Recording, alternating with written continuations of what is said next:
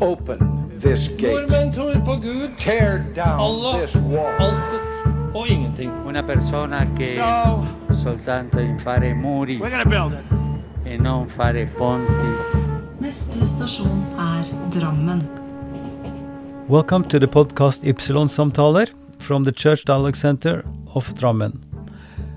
My name is Ivar Flaten, and in this episode I talk to Shanti Kumar Hettiarachchi. Shanti is born and raised in a Catholic family in Sri Lanka. We met in 2007 in Leicester when Shanti was working at St. Philip's Center together with Andrew Wingate and Suleiman Nagdi. Both is previous presented in an episode of this podcast. Shanti is teaching both in Colombo and occasionally also in Lahore, researching in the field of religion and peace. His work includes studies of the Hizmet movement, which is also present here in Drammen, where Shanti has visited several times. In this podcast, we talk about the present situation in Sri Lanka and the general dialogical work of helping people of different faiths and convictions meet and talk. In a multi faith context, the identities are mixed and many, also in individuals.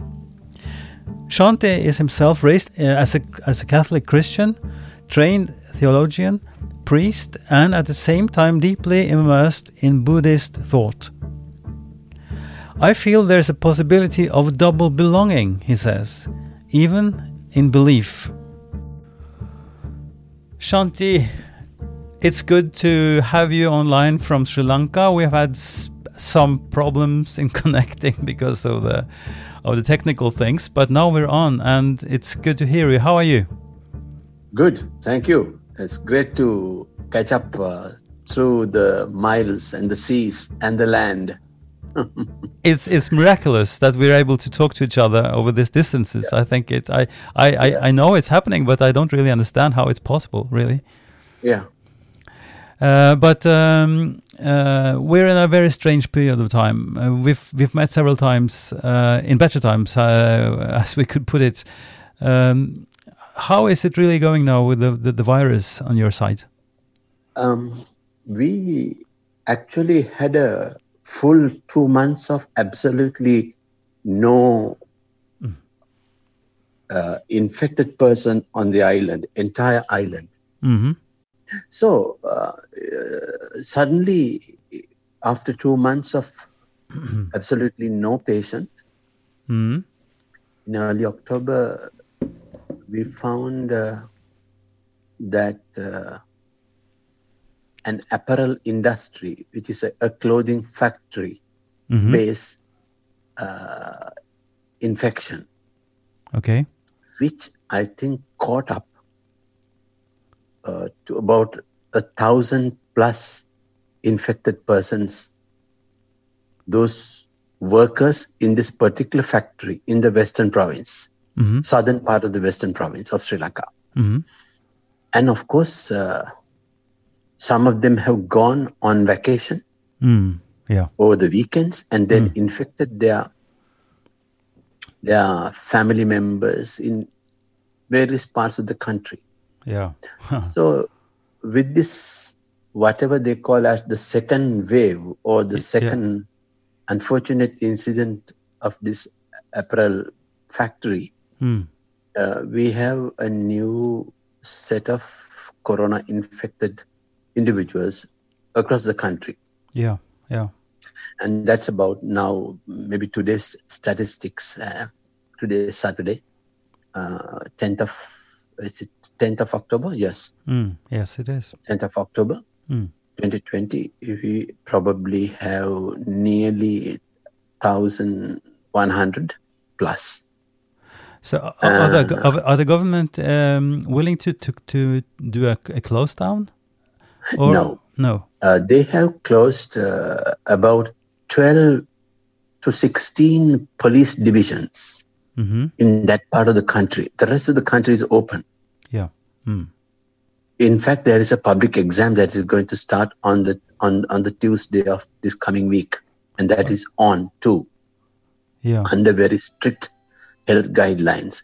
Yeah. But the good news of the situation is that the government, having experienced uh, and the task force now knows how to deal with with social tracking, as they call it. Yes. So all the individuals have been tracked down Mm.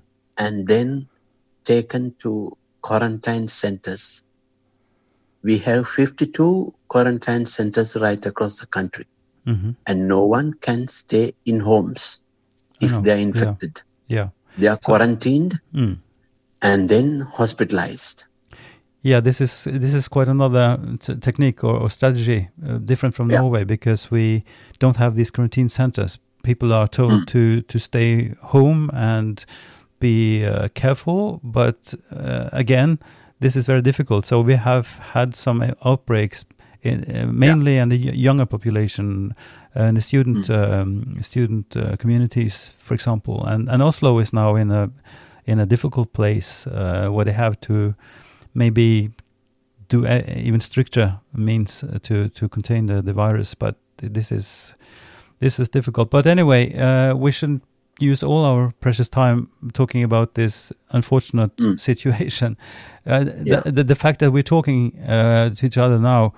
Um, from Sri Lanka, Norway, is, is, a, is a rather long history. I, I think I should, we should just wind back um, to where we first met, which was in, in Leicester, Mid England.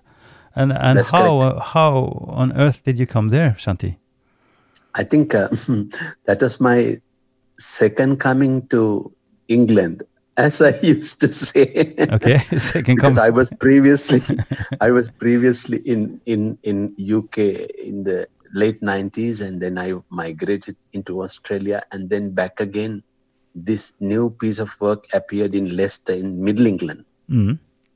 In a place called St Philip's Centre that dealt with community engagement Yeah, I know, and, and, and my listeners uh, would know this if they've been uh, listening to both the conversation with M- Mr. Andrew Wingate, but also uh, Suleiman Nagdi, which are Yeah. were, were, were your good colleagues at the time. So, Yeah. um, but your your personal history coming there as a theologian and also uh, a researcher to work with an only center. Um, just give us the brief story about that. Yeah, the uh, but by that time I had completed my terminal degree in Australia, and which I carried from England in my first time. Mhm. And then, of course, the piece of work was in the second coming was completely different. Uh, as you rightly said, I was then a trained theologian, and then, and of course, great into uh, the South Asian contingency that was uh, very powerfully present in Leicester. Mhm. And if there is one Gujarati community outside the state of Gujarat in the world, and that is concentrated in Leicester, Mhm. and they bring, they are not just uh, Muslims, they are Hindu Gujaratis, Mhm. and they are Christian Gujaratis. Yeah. So this this this is very unique to Leicester. So people like Andrew Wingate and as you said, Suleiman Nagdi, who were my colleagues, were really competent with the with the association uh, of the Anglican Church and other churches established this center. Mhm. And of course, this became our experiment became known both in England and then also in the Nordic world Yes. for some reason Yes. maybe maybe norway access it first or maybe sweden access it first i'm not sure historically Hmm. but both your countries uh, i think benefited uh, with your frequent visits Hmm. a group by group official officer group by after officer group both Hmm. the city city councillors priests and other officers and it was a such a, uh brilliant exchange of ideas basically Hmm. that helped all of us not that we had something we of course had something to offer but then encountering uh, the central europe and also northern europe was a special encounter we Hmm. had things to share we had things to sort of look at uh, as models. Yeah. And I think that's what took place uh, uh, very significantly between the two groups, as it were. Yeah, yeah, and of course, this was my uh, to to talk in, in theological terms. You talked about second coming. This maybe was my awakening uh, to see what what happened in a community where you had uh, an old traditional church meeting with a new uh, form of, of of of religious practices, mainly the, the the Muslim ones, with a big with a big mosque and everything. So that was a, a very interesting and, and important start for me, seminal even to to our work in Drammen, uh, which you know and you've been visiting also here uh, several times. But Shanti, I think we should wind back even further because uh, in this podcast I'm curious about people's lives and and and starting uh, with the, the youth and, and and childhood even uh, because you're you're born and raised in Sri Lanka in a in a Sinhalese Buddhist context, really, aren't Correct. you? Yeah. Talk talk about that, please.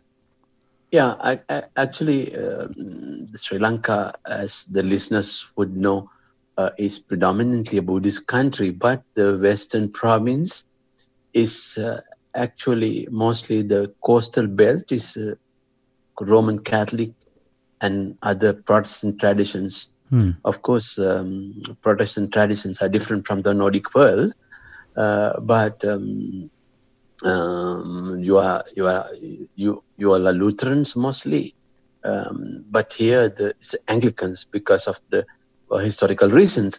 And um, I was trained to be a, a priest, and then I became a priest. But eventually, I I found it uh, that uh, maybe I thought, uh, like many few others across the globe, thought whether the priesthood itself is a permanent was uh, kind of something that people theologically uh, reflected. Uh, maybe that didn't affect me, but that was in the back burner, Hmm. whether it was a permanent uh, calling Hmm. or whether the calling uh, theologically has other dimensions that you take uh, uh, you take a, a plunge into other areas of conducting in human in human activity Hmm. and uh, it is in this context that i plunge into study deep into buddhism Hmm. in the central province of the country where the, the key university was located Hmm. and it's there i got connected with uh, buddhism deeply and then i found that uh, uh, you call it uh, an awakening Hmm. I came to a, a, a certain um, an enlightened position Hmm. that uh, half of my soul probably is Buddhist. Hmm. yeah. From from your from your upbringing or from from the the the milieu the the things you experienced as a young person, um, how, how is it that you're? I mean, it's sophi- sophisticated and a little advanced to talk about these things. Uh, how one get, um, you know, uh, inspired and and also take color from from one's environment. But your upbringing and childhood was Catholic, Roman Catholic, wasn't it? That's correct. Yes, and so And, how, uh, how how did you the, the, the Buddhist feeling, the Buddhist life, the Buddhist Buddhist faith and practice affect you as a young child? You, you went to church and was uh, emerged into Christianity early, wasn't you? Yeah, you, you're right. But then as you grow into adulthood and then, of course, uh, a maturity and then exposure into other areas of life and facets Hmm. in the country and other philosophies and, and perspectives, they give you a different uh, dimension, other dimension that I probably did not see, Hmm. maybe was not exposed to. Hmm. So uh, I, I, having gone through all this, um, I, I, I- feel that there is a possibility of double belonging Hmm. Yeah. uh, that there could be uh, even in belief a double belonging yeah. uh, it's just like uh, that each individual could have uh, sort of uh, different identities, not personalities, but Mm. identities. Personality is a different, different uh, kind of animal, but what I would call uh, different identities in just could exist in just one person. Yeah. Yeah. Um, and uh, today's uh, global realities and its complexities are more pushing people to be there if that is what people are feeling about it.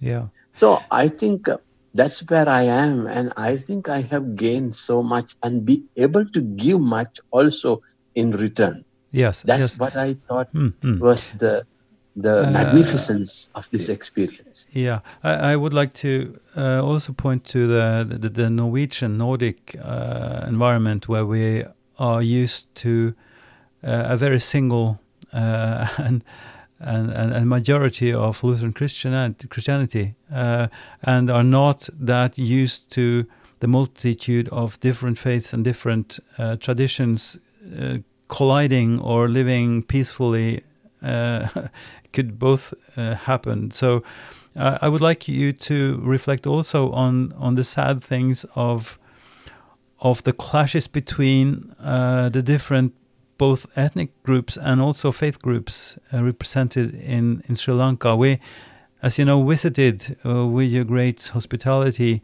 a few years back, and also saw tensions between the Muslim faith and also, of course, between the the, the, the Christian and and um, the Hindu or Buddhist Buddhist faith mainly.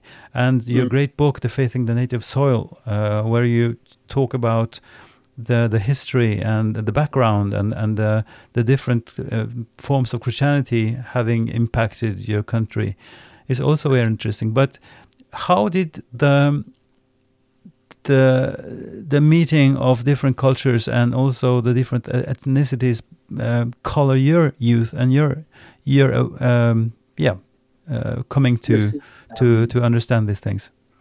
you- if I- you are in a you know in a fine position to kind of bring this out because you have visited with your with your good wife in Wild, visited this country, and you know you are asking the right questions. And Sri Lanka is very very strangely located as well, Mm. and also its uh, history and and its its encounter with the colonial history is bitter one Mm.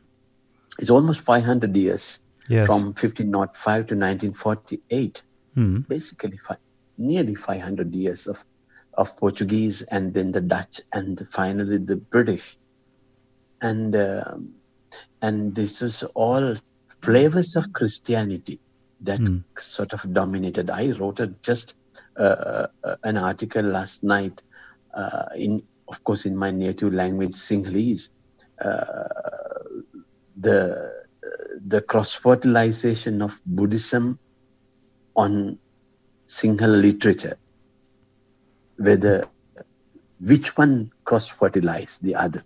It's Mm. quite an interesting um, subject that I completed last night. Mm. Uh, interesting that you are asking a similar question.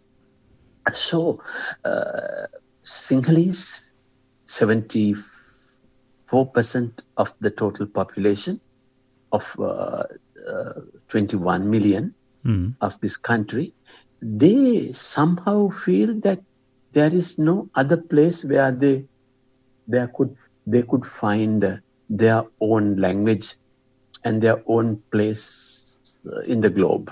Mm. So they probably it's a it's not a probably a, a positive feeling, maybe a negative feeling from another seeing from another perspective, but they feel that this is their endearing island Mm. that they have that their ancestors have lived.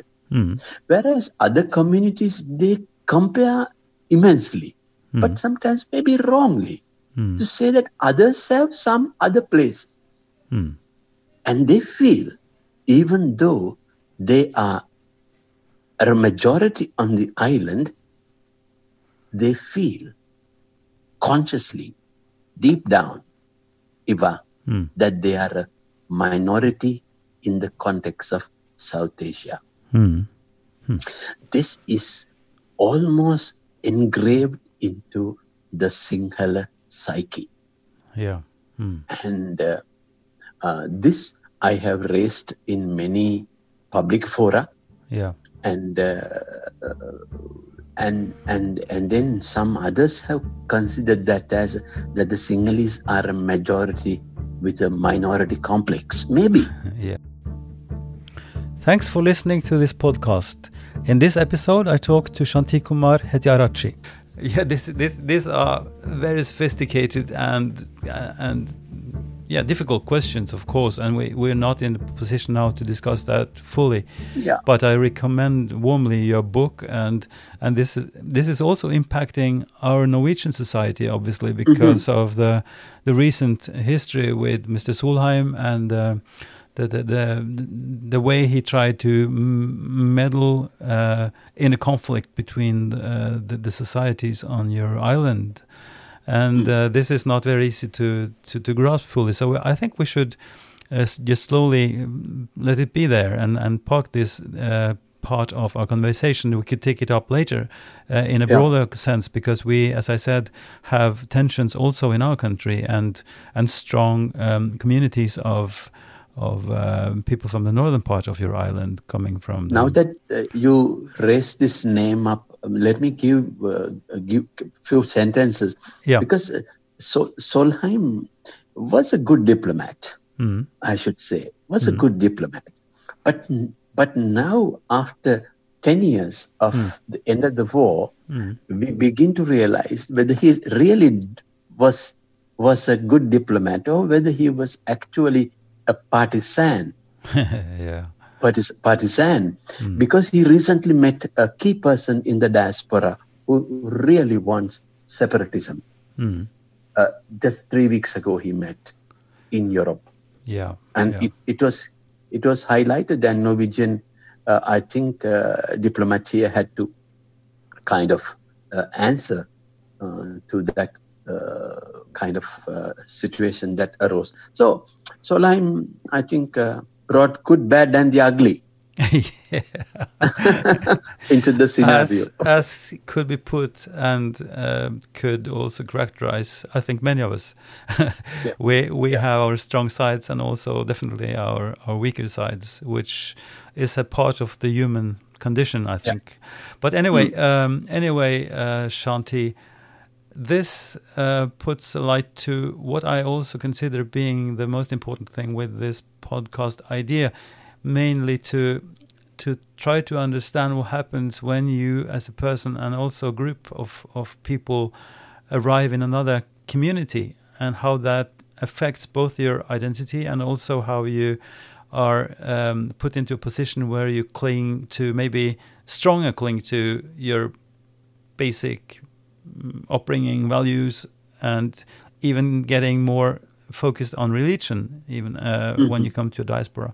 So uh, give us just sketch of your travels because you you've been traveling you said to to australia but also you've been working in the us and you've been working in the uk and Yeah. and recently also in in pakistan. Um, That's that's another chapter that we should come into later. But please Yeah. uh, how how has this traveling and this meeting of other cultures uh, impacted you as a person do you think Yeah, I think uh, traveling is another another storehouse of knowledge Hmm. uh, in itself. You rightly said how you encounter these different cultures. I came to know Italians and Irish in New York, Hmm. not in Ireland or in Italy. Hmm.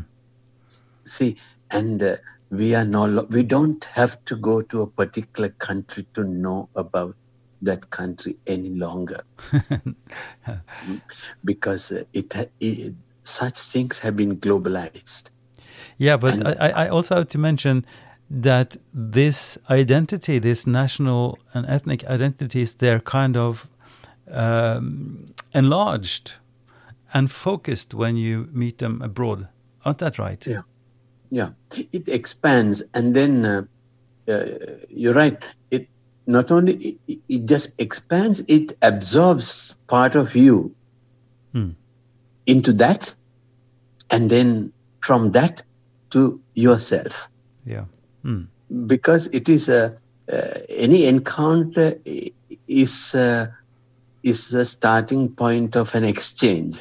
Mm. An encounter is an uh, starting point of exchange, and that exchange is through through through ideas, uh, through models of behavior, through our interaction with the, the languages we use to talk to each other, with our food patterns, our smiles, coming down to very grassroots experiences, they all significantly help each other. Mm.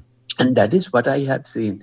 Mm, A good example would be when I was invited to do this piece of work in Luton, not in Leicester, but in, in Luton, the other part, in the late eh, late 90s. Mm. They thought that they had ex- they had they hired a, an expert on South Asia, Hmm. but actually, I learned about South Asia while I was in England. yeah. You see, and and and uh, that I I have never forgotten that experience Mm. because you can be South Asian, you can be in the Nordic world, Mm. but uh, that does not mean that you are aware of the dynamics of the what it means to be in a Nordic world with all the four countries over there Mm. and the South Asia, about 14 countries here. Yeah. Yeah. 12 to 14 countries we are we are so different we are so different but there are also some things that are that are close to each other like food patterns and, and some behavioral patterns Hmm. they are similar but we stand so differently Hmm. our languages are different and uh, now that you mentioned pakistan when i went to pakistan and lahore they all speak to me in in urdu Yeah. then then I look at them absolutely with uh, blank eyes, Mm. and they look at me and say, "This man does not understand. Mm. How come? Are you from Britain? A Paki living in Britain who has come? no, I cannot understand what you talk. What do you mean? You are not a Pakistani? No, I said I am not. How come? You look like us. How come you cannot speak Urdu? No, I am a Sri Lankan. Then they look blank at me. Mm. How come man so similar look like us Mm. but cannot speak Urdu? Mm. See? Mm. So it's my experience with the Lahoris had been that. And that itself no, tells us that only thing that makes me Sri Lankan Mm. is that I speak Sinhalese in Yeah. Pakistan. Yeah. Yeah. The rest is all same sometimes. But that particular aspect makes me different. Yes. And it is important for a Lahori to understand that as much as a Sri Lanka to understand how the Lahoris feel. Mm. I think that's that's one of the things that impresses me the most. Uh, several of my conversation has been about language. We're having Uh-huh. quite a number of of, of uh, refugee, refugees and asylum seekers in Norway, as you know, and many of them Yeah. from obviously from Syria the last few years. And the way these guys, from coming from a totally Arabic world, language-wise and others, Yeah. how they adapt and in three to four five years talk almost i mean perfectly norwegian and also are able to write and find Really? jobs get their houses. It's it's deeply deeply impressing. And and and the language we cl- we cling to that in norway. I think most countries would say that uh, to be a, a full citizen and and to be uh, involved in in the life in, in a community you need to know the language. So language is obviously one of the main f- mm, uh, characteristics and main main things that you have to dive into uh, when Yeah. you when you come to a new community. Whereas people look on the outsides, as you uh, uh, obviously felt in in Pakistan. So, uh, but you have also come to to Norwegian, not Norwegian, but but uh, European communities with your, you know, with your brown skin. Have you Mhm. at any point felt uh, as an outsider because of this? Uh, I mean, that's that's also one of the aspects in this podcast to know how to get involved to the community, how to be part of of the local community. Hmm. I I have I haven't uh, actually because of my my because of my level of association because of my starter of movement Mm. have been uh, sort of restricted but I haven't found individual kind of feeling to me personally hmm but I have found uh, some institutional aspects Mm. that kind of uh, not allowing or uh, that there is a kind of a barrier Mm. for for others to penetrate fully and completely which i can understand Mhm. actually which Mm. i can understand but i think the the overall overall picture is that mm, in terms of uh, judicial injunctions and legal status is concerned, they are they are in right places, so that Mm. there couldn't be discrimination. But then there are individuals who could manipulate such system to make it feel difficult for X, Y, and Z Mm. of another community. That is what I think is happening sometimes. Mm.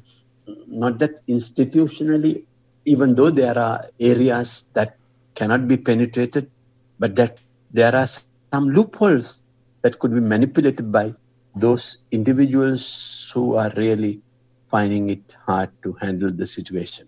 That's Hmm. what may that's what what make the the the institution also fail Yeah. the manipulative behavior of certain individuals. Of course, these are these are uh, not regulars, but these are exceptions. But Mm, they do mm. work. Mm. They do work. Yeah, th- this is also a broad uh, topic uh, that we could Mm. use uh, a really long time to discuss because the uh, the the the, the relationship f- f- between the individual and, and, and group of individuals and the um, uh, this the what you call it um, the the state and the regulations and the law That's of the of, of the land which is That's the right. basis of our um, being together and how to operate in, in a community where people uh, come from countries where they have experienced both the police force and and uh, you know officers of the state uh, being manipulative and also um, mm, prone to to taking money, uh, private money for for conducting their work. So so this these are these are also aspects of uh, people coming to to new communities with their old patterns and old uh, behaviors or, or, or ways to survive uh, almost. But um, um, we have a couple of things that that also illustrates this uh, this conflicts between uh, groups and also religious groups, because Mm. you as a scholar have worked quite a lot on the Hizmet movement, uh, Fethullah Gulen, Yeah. and uh, and his work as a as a Muslim um, preacher and and also social uh, social aware uh, man, very interested in education and has been, as I see it, very uh, important uh, to a lot of people and also the, to the Turkish community, but has sadly now um, come into conflict with the present uh, president, and there's a conflict that you know very well, and and that is Mhm. also con- uh, very visual, vis- visual, and and uh, we can see it in Norway as the main groups in our asylums are Mhm. people from Turkey uh, because they had I to see. flee from the oppression and their problems there. So, um, as an, a person of deep knowledge of this movement, uh, how would you how would you describe it? I mean, pretty shortly. Obviously, you have met Fethullah Gulen yourself, and you're uh, written, and you're held, you've been lecturing about this movement. What what is this? Is this a is this a group that is um, doing shame and and harming the Turkish community? Is it difficult and, and dangerous potentially to have them in our community? there are so big tensions here, and and the big groups of Turkish people living in in Drammen are, I would say, pretty hostile, and and uh, feel uh, a big big part of insecurity versus these people. How would you describe this in Yeah. in a few in a few minutes, which is very difficult, Yeah, of it's a, course. a massive, massive question. My Yes. involvement is about 12 years old, uh, Mm. Ivar, with the movement, Mm. and I think it is the, it is the, I think uh, they, Gulen and the movement define the social doctrine of Islam in Mm. Quranic terms. Mhm. I think Mhm. Mm, after the Roman Catholic Church and probably the other Protestant churches, it is this movement that define the social doctrine of Islam. The Islamic social doctrine is on- the concept of zakat, Mhm. one of the pillars, Yes. but they, the movement brought it to limelight Mm. and stretched the concept of zakat into a social doctrine that could be applicable globally. Yeah. Mm-hmm. Now, my interest is in social responsibility of religion, Mm. and, and that's my forte. And how I was attracted to Gulen was because they they they did not move away from the concept of zakat, but they stretched it to the maximum. Mm. And that is what the Ankara regime Mm. cannot stomach. Because there is a group that speaks straight to the social responsibility Mm. of Islam. Whereas the social responsibility of the Ankara government has failed totally. Mm. And this Gulen, 80 plus year old gentleman whom I met in January this year Mm. in Poconos in Pennsylvania, Mm. how could anybody look at him and say that he is a terrorist? And he was called Gulenist terrorists, all of them. Mm. It is impossible. It is impossible because there is no absolutely evidence or traces. If they want to know about terrorism, they must come to Sri Lanka. Then they can define what terrorism is and, and the history of terrorism Mm. and history of uh, murder and killing and suicide bombings. Mm. Everything is in this in this country. They can find and research and look for it. Mm. And uh, it is uh, really unfortunate uh, that what he did, uh, what what Ankara regime did to this movement, and it was the Turkish the best contribution to in in in modern history uh, what they contributed to the rest of the world Mm. because mm, there is no other Islamic movement um, that is uh, so close, people can get close to in modernity. Mm. The, the, the rest are all connected with anti people and with violence. There are movements, I mean, you can name maybe over a dozen, half a dozen, over a dozen of Islamic movements that have destroyed society. Mm. But here is one single movement that Islam can be really proud of. That the best Turkish model that could have been given to the world. And and I think he could not, Ankara government could not contain that. Contain that. Mm. Of course, at the beginning, both of them, both the movement and, and Erdogan, when he was the when he was the mayor of uh, Istanbul, Mm. he became the president, first the prime minister, and then he became the president. Uh, when he was, the, it's always the Istanbul mayor of Istanbul that goes and occupies the seat in most of the time in Ankara. So he was a very popular man. Of course, the Gulen movement was very powerful in in in in, in Istanbul mm, during the time that I visited, and uh, of course they they were in in good uh, friendly terms. But of course, uh, it didn't last, uh, and subsequently he had to leave. He had to leave the country, and then that was history. And we never thought that the that the population connected with the movement could be punished so severely, killed, uh, tortured, imprisoned, and sent as uh, refugees to other countries in thousands. Thanks for listening to this podcast. In this episode, I talked to Shanti Kumar Hettiarachchi. Uh, It's, it's a it's a really really sad really sad story, of course, and Yeah. it's difficult to grasp the, the totality of it. And and um, we could also easily locally here be t- be be understood as partisan, uh, taking sides and you know talking about things that we don't know. There's there's very contagious and and difficult di- discussions on this. So, but I would Yeah. let uh, you know uh, the scholar Jon Pahl. Uh, Yeah. and his brilliant book about uh, Sure. Gulen. Uh, so people that would like to dive into this, uh, the background of the movement and, and what it is really about, I think that's a very helpful book That's right. uh, to to read, and I will give um, uh, references to that in in writing Yeah. with uh, with this podcast.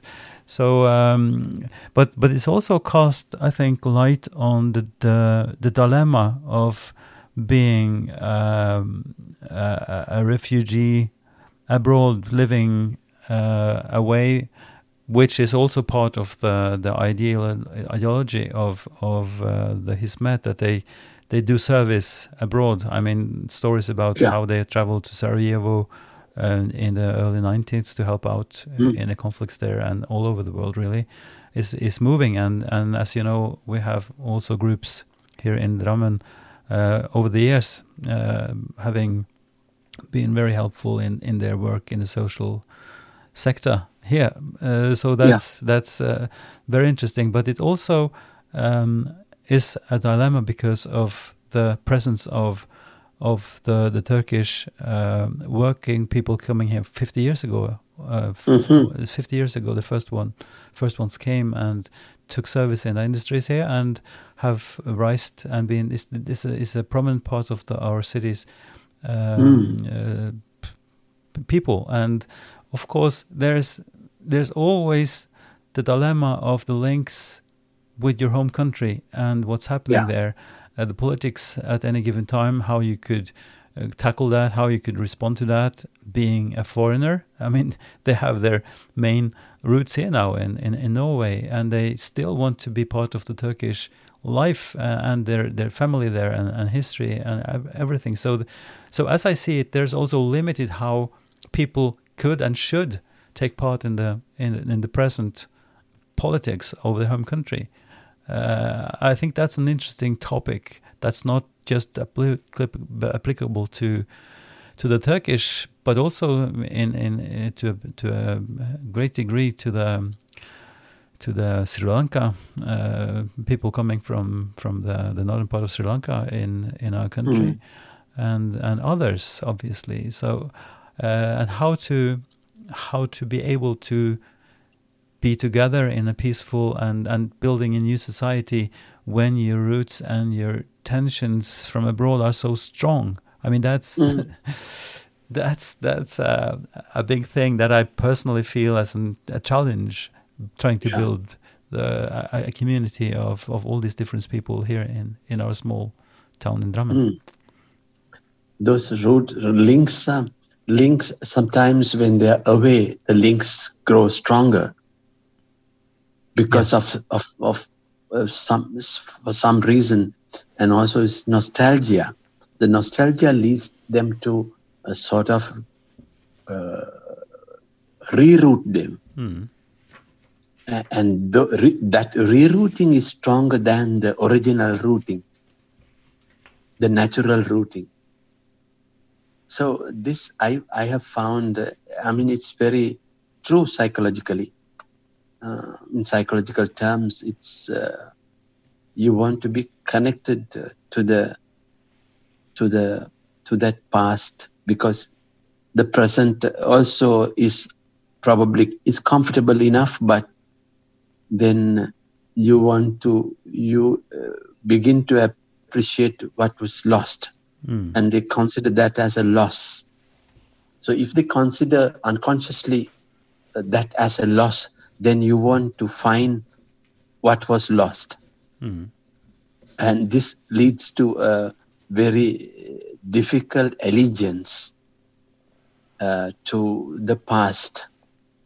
And then mm, in this uh, pursuit of allegiance, uh, can lead to so many other areas of conflict because you can be connected to a, a radical group in in a faraway country Mm. because that is how you feel that what was lost could be found Mm. uh, it's a very um, very emotionally charged uh, behavior Mm. But you- you're talking So- about radical group. It could also be to religious uh, groups, Yeah. which I was Yeah, just talking be- about uh, uh, a while they- ago. and they find meaning in that Mm. Even though they work in Drammen in a small shop, Mm. uh, the real meaning is found in his connection, uh, sending uh, crowns to to that Mm. cause, and which is what gives them meaning. Yeah. Um, Uh, so I think that's uh, applicable to the the Tamil uh, Yeah, yeah, movements but in, I- I- I- uh, yeah, in Norway, of course and yes. it's and Yeah. it's also um, fair to say that that's interesting to see how the Tamil groups also are divided religiously into Yeah. Catholic groups and, and Hindu groups. I have a very good connection to both, and also, as a matter of fact, uh, uh, Yeah, Muslim Muslim I'm, I'm glad uh, that you have connections with uh, those groups because uh, when they are away, they, they find new new identities, and then ideology doesn't help them. Uh, and um, I, I would like to also now take a step further bec because your scholar scholarly work also has um, touched and been working with the Minhaj al-Quran uh, movement from Dr. Tahir-ul-Qadri uh, of Lahore. Um, uh, and I think some of the questions also are valid uh, when it comes to this movement, which, Yeah. uh, of course, is represented also in, in Norway, in, in Oslo, and in, in, in Drammen. Great friends Mhm. uh, over the years, uh, where um, in the last few months we've had critical voices um, claiming uh, that Minhaj also, to a great extent, is a, is a political movement, and that that there are claims that they are doing political work and support political work and talk. Some would say also in two tongues, uh, not being clear about their views of death penalty, for example, how to read the Quran, all this, all this, it's a mixture of of, of Yeah, yeah. criticism, whereas they are told uh, or, or or understood is is also my clear understanding that they're very prone to to dialogue, to be part of the Norwegian community, saying that the, the Norwegian, the, the social democrat system is the most Islamic you can find on the on the globe. Um, uh, at the same time, they're they're Yeah. they're accused of being, you know, for or not speaking clearly about death penalties for for um, you know being uh, abusive or doing Mm. saying things about the the, the whole prophet, and, and and these things. But you you've been close to them, also been teaching, as a matter of fact, at Minhaj University of Lahore. So what's what's your take on this? it was a, an invitation that came to me uh, to speak as the keynote speaker 2019 or 18 uh, 2019 last year Mm. no 2018 Mm. um, then after my keynote uh, the senate some members of the senate approached me and they said whether we could have a meeting the following day. So I went for the casual meeting. I thought it wasn't a casual meeting. The board of governors were there. I didn't know about that. Then they, uh, so they had a general chat about it, and then they asked whether whether if given an offer that I would uh, kind of come and and help them in teaching in the Department of Religion and Philosophy. Mhm. Uh, so I said I will go home and come back to them, Mm. which is what happened. Mm. And uh, I only agreed then to visit twice a year, two months of the year. Yeah. Uh, and then that's how it became. So, um, of course, uh, I don't know how, Ivar, I am attracted to movements. Both are Islamic movements, Gulen Yeah. and and Hizmet, the um, Hizmet movement, and Mm. and Qadri is um, uh, Minhaj, Mm. uh, which is called the path. Mm. Um, the other one is service, and this is the path. Mm. Hizmet in Turkish is is uh, service, Service, yes. and and here path in Mm. probably in Arabic and also in Urdu. Uh, so I actually am interested in movements, also Sarvodaya in Sri Lanka, the Buddhist movement. I'm also connected to that. Mm. What I found was that Qadri is a, a different uh, personality. He was involved in in politics of Islamabad. Of Mm. course, uh, Mm. Islamabad politics is uh, not just Pakistan politics, it's also international politics Mm. because of what happened in the region.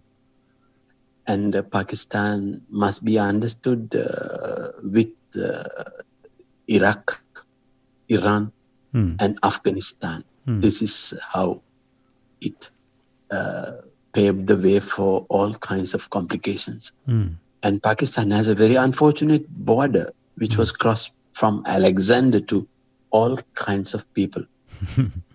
so, so it's a northwestern border which is called Khyber Pakhtunkhwa, Mm. the Khyber Pass, Mm. Mm. and uh, which is a very sensitive border. Mm. It touches from the south to Iran all the way to China Mm. you see and uh, and and what they suffered uh, is unimaginable as a country Mm. it's still an unsettled country since 1947 Mm. in my view Mm. in my view as an outsider but as a friend of pakistan um, they suffered immensely Mm. immensely from russians and americans and the taliban and all that Mm. so um, Qadri is part of this uh, whole jigsaw. Mm. He's not out of it. He's inside it, Mm. and I know about it. But but uh, I must say that uh, in such a large, big, grown organization, you will not know uh, everything about it. Mm. So my brief is very clear. In, in Lahore and Pakistan, it is two months, Mm. and you uh, pay my uh, uh, remuneration just for two months, Mm. and then I teach Mm. This particular subjects, and that's all. Mm. So that's my work. Mm. Really is merely to the academia, Yeah. Mm. and of course they have given me sort of the freedom to move around in in Lahore with other institutes. So I have expanded, as you know, um, with other universities. There's a Christian Forman University, Mm. which is uh, over 100, 100 years old, Mm. uh, uh, which had connections even with the Mughals, the last bit of Mughals, Mhm. uh, like the Jesuit missions. Yes. Yes. Mm. which, is, uh, which has had uh, Mughal connections. The Mughals invited them to Lahore, um, the headquarters there. So it's a kind of heart of Punjab, Mm. the Pakistan part of Punjab, which goes back to the famous civilization, the Harappa and Mohenjo-daro, 3,000, 4,000 before the Common Era. So that's where this whole place is moving around. yeah. Of course, the biggest issue is Pakistan and India. Actually. This- this is the crux of the matter. Yeah, I, I think uh, the time is flying when we're talking here, and we Yeah. have to wind up slowly. Uh, I, I just want to reflect what you said about movements, because I'm not quite sure if you know about a very uh, prominent movement in our country uh, Uh-huh. around the beginning of the 1800s, Mr. Uh-huh. Hans Nielsen Hauge. Who was Mm. uh, he? He had a, a vision, and he was uh, he was moving, uh, working on the on, on the fields, but but a movement uh, opposing uh, the, the the priest and the Church of Norway's in uh, claim that no one but priests should preach. Uh, and he was traveling around the, the country and helping people to start small industries, to do uh, the best out of their lives, uh, a really social awakening thing. But he was imprisoned because of his insist, um, his his preaching, and he was, as a matter of fact, sitting in in prison in 1814 when we had our very famous uh, law. Uh, the, one of the most radical and liberal laws uh, uh, at all, inspired from the, the French and, uh, American laws. But my point is that that movements start from people's visions and trying to do social impact, trying to help people to live, live their lives. And I think that's also what both Gulen and probably also the Minhaj is all about. It's a social, um, of course, inspired religiously, but still Mhm, having an correct. im- impact on on our uh, lives uh, Mm. eh, somehow. And that's also what what I would like you to reflect on as we wind Oh, up. I would Um, be happy what, to what what kind have of some information about it. yeah, we could talk more of that later. But but my Hmm. my question is more uh, general: uh, how to pursue these common goals, global, uh, you know, ideas of of living peacefully together, and and then draw from our religious different perspectives, and how to do this in in our dialogue for us, in in our reading, in our talks. Uh, how is your view? Uh, what, what do you see as the most important things to to try to help now in a time of big, you know, polarization and and I uh, think debates? you have you have kind of adopted a good model in Fjell. I think uh, um, with your learning, with your cross-cultural encounters that you have had in the last ten years, probably Ivar. Hmm. Um, Fjell is a um, uh, kind of a good model up there, looking at the city Mm. Mm. Yeah, yeah. over the over the Ferod. Mm. no and uh, and people to people encounter is the best people to people we they must meet Mm. not believe what others say about them Mm. or each other Mm. um, that is the strongest thing people to people relationship they, when they come to know the person uh, they cannot uh, disown the person because um, they will find uh, disagreements of course Mm. but they will find even after disagreements if that person brings a, a piece of cake or a cup of tea and serve you Mm. all your disagreements will disappear you know that hospitality you know we don't have to be hostile uh, we can disagree and be hospitable Mm. it is hostility that kills uh, the possibility of hospitality Mm. you see Mm. and um, hostility comes from prejudice anger and deep-seated um, uh, conspiracy theories Mm. unclarified doubts Mm. grow up with them and then we find a person who belongs to that and then we begin to hate without knowing the person Mm. because of our prejudices Mm. so we face the person who's from that particular community because uh, we have prejudices against the ex whom i meet here in the room Mm. and this person has nothing to do with things that I know about his generations ago.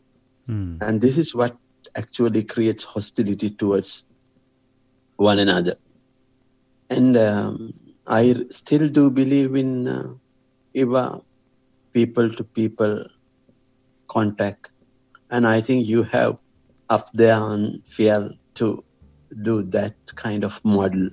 And it is a hard model, it's not an easy model, but um, we must share with people that, you know, we can disagree. Uh, but I also respect your right to say what you want to say. Mm. But we shouldn't go out of the room with uh, anger and Mm.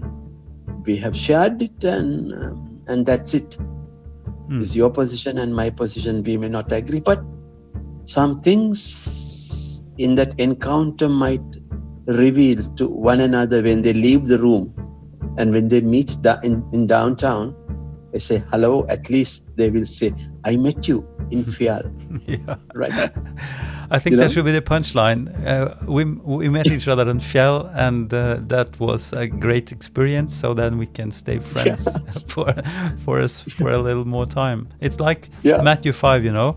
Um, Yeah. A city on a on a t- on a mountain you cannot hide. you know Yeah. that piece. Yeah. Well, Yeah. Shanti, it's been a pleasure again to to talk to you. Same and, here, um, let's wind up again later to dive maybe a little Sure. deeper into some of these issues because they're like both uh, important to our uh, local setting here, but also globally, I Mm. think. So, thank you very much and take care from the virus and stay safe. Thanks for listening to our podcast Ypsilon Samtaler. If you master the Norwegian language, you can read about us at www.ypsilonsamtaler.no. There you will find a short presentation of all our guests with links to the episodes. You may, of course, subscribe to Ypsilon Samtaler on your favorite podcast app. Ypsilon Samtaler is supported by Drammen Municipality and the Ministry of Children and Families.